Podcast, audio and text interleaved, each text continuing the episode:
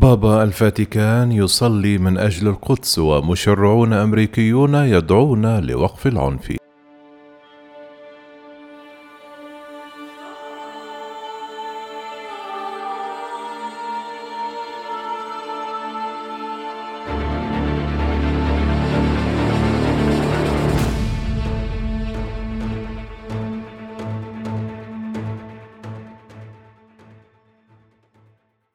دعا البابا فرانسيس الأحد إلى إنهاء المواجهات في مدينة القدس غداة صدامات جديدة أسفرت عن أكثر من تسعون جريحا في المدينة المقدسة كما طالب مشرعون أمريكيون الرئيس الأمريكي جو بايدن بالحديث عما يجري في حي الشيخ جراح.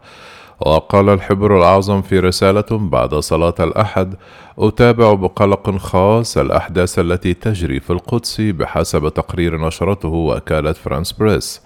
وأضاف البابا أنا أصلي لكي تكون القدس مكان لقاء ولا مكان اشتباكات عنيفة مكان للصلاة والسلام.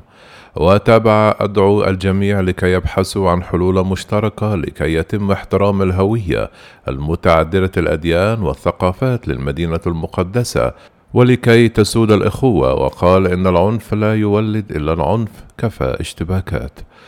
ما ولا يزال التوتر سائدا الأحد في حي الشيخ جراح بالقدس الشرقية بعد أن أصيب مئات الفلسطينيين بجروح منذ الجمعة خلال مواجهات بين الشرطة الإسرائيلية ومتظاهرين فلسطينيين ما أثار قلقا دوليا من احتمال توسيع نطاق الإضطرابات. والمواجهات الحالية في القدس هي الأعنف منذ عام 2017 عندما تسبب وضع إسرائيل بوابات إلكترونية في محيط المسجد الأقصى باحتجاجات ومواجهات انتهت بإزالة الحواجز. إلى ذلك طالب عدد من أعضاء الكونغرس الأمريكي إدارة الرئيس الأمريكي جو بايدن بالحديث عما يجري في حي الشيخ جراح مشيرين إلى أنها تشكل إنذارات من خطر استمرار التوترات في القدس وفق تقرير نشره موقع نيوزويك. السيناتور الديمقراطي بيرني ساندرز قال في تغريدة عبر تويتر يجب على الولايات المتحدة أن تتحدث بقوة ضد عنف السلطات الإسرائيلية. المتحالفين مع المتطرفين في القدس الشرقية والضفة الغربية وأن توضح أن عمليات إجلاء العائلات الفلسطينية يجب أن تستمر. إليزابيث وارن السناتور الديمقراطية قالت إن الترحيل القسري للسكان الفلسطينيين منذ فترة طويلة في الشيخ جراح أمر بغيض وغير مقبول ويجب على الإدارة أن توضح للحكومة الإسرائيلية أن عمليات الإخلاء هذه غير قانونية ويجب أن تتوقف على الفور. النائبة الديمقراطية ألكسندرا أوكاسيو كورتيز قالت في تغريدة عبر تويتر نتضامن مع سكان الشيخ جراح الفلسطينيين في القدس الشرقية. القوات الإسرائيلية تجبر العائلات على ترك منازلها خلال شهر رمضان وتنشر العنف.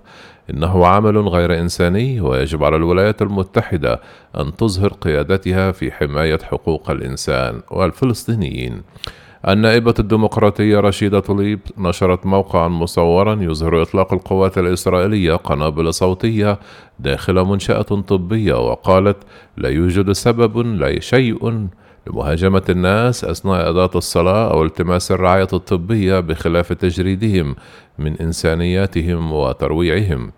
وقالت إن الولايات المتحدة قلقة للغاية إزاء العنف والتهديد بإخلاء الحي وأنها على اتصال بالقادة من كل من الجانبين لمحاولة تهدئة التوترات.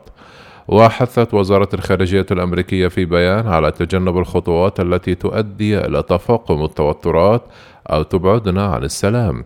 وهذا يشمل عمليات الإخلاء في القدس الشرقية والنشاط الاستيطاني وهدم المنازل والأعمال الإرهابية. ودعا الاتحاد الأوروبي السبت السلطات الإسرائيلية للتحرك بشكل عاجل لوقف التصعيد في القدس بعد المواجهات العنيفة بين الفلسطينيين والإسرائيليين.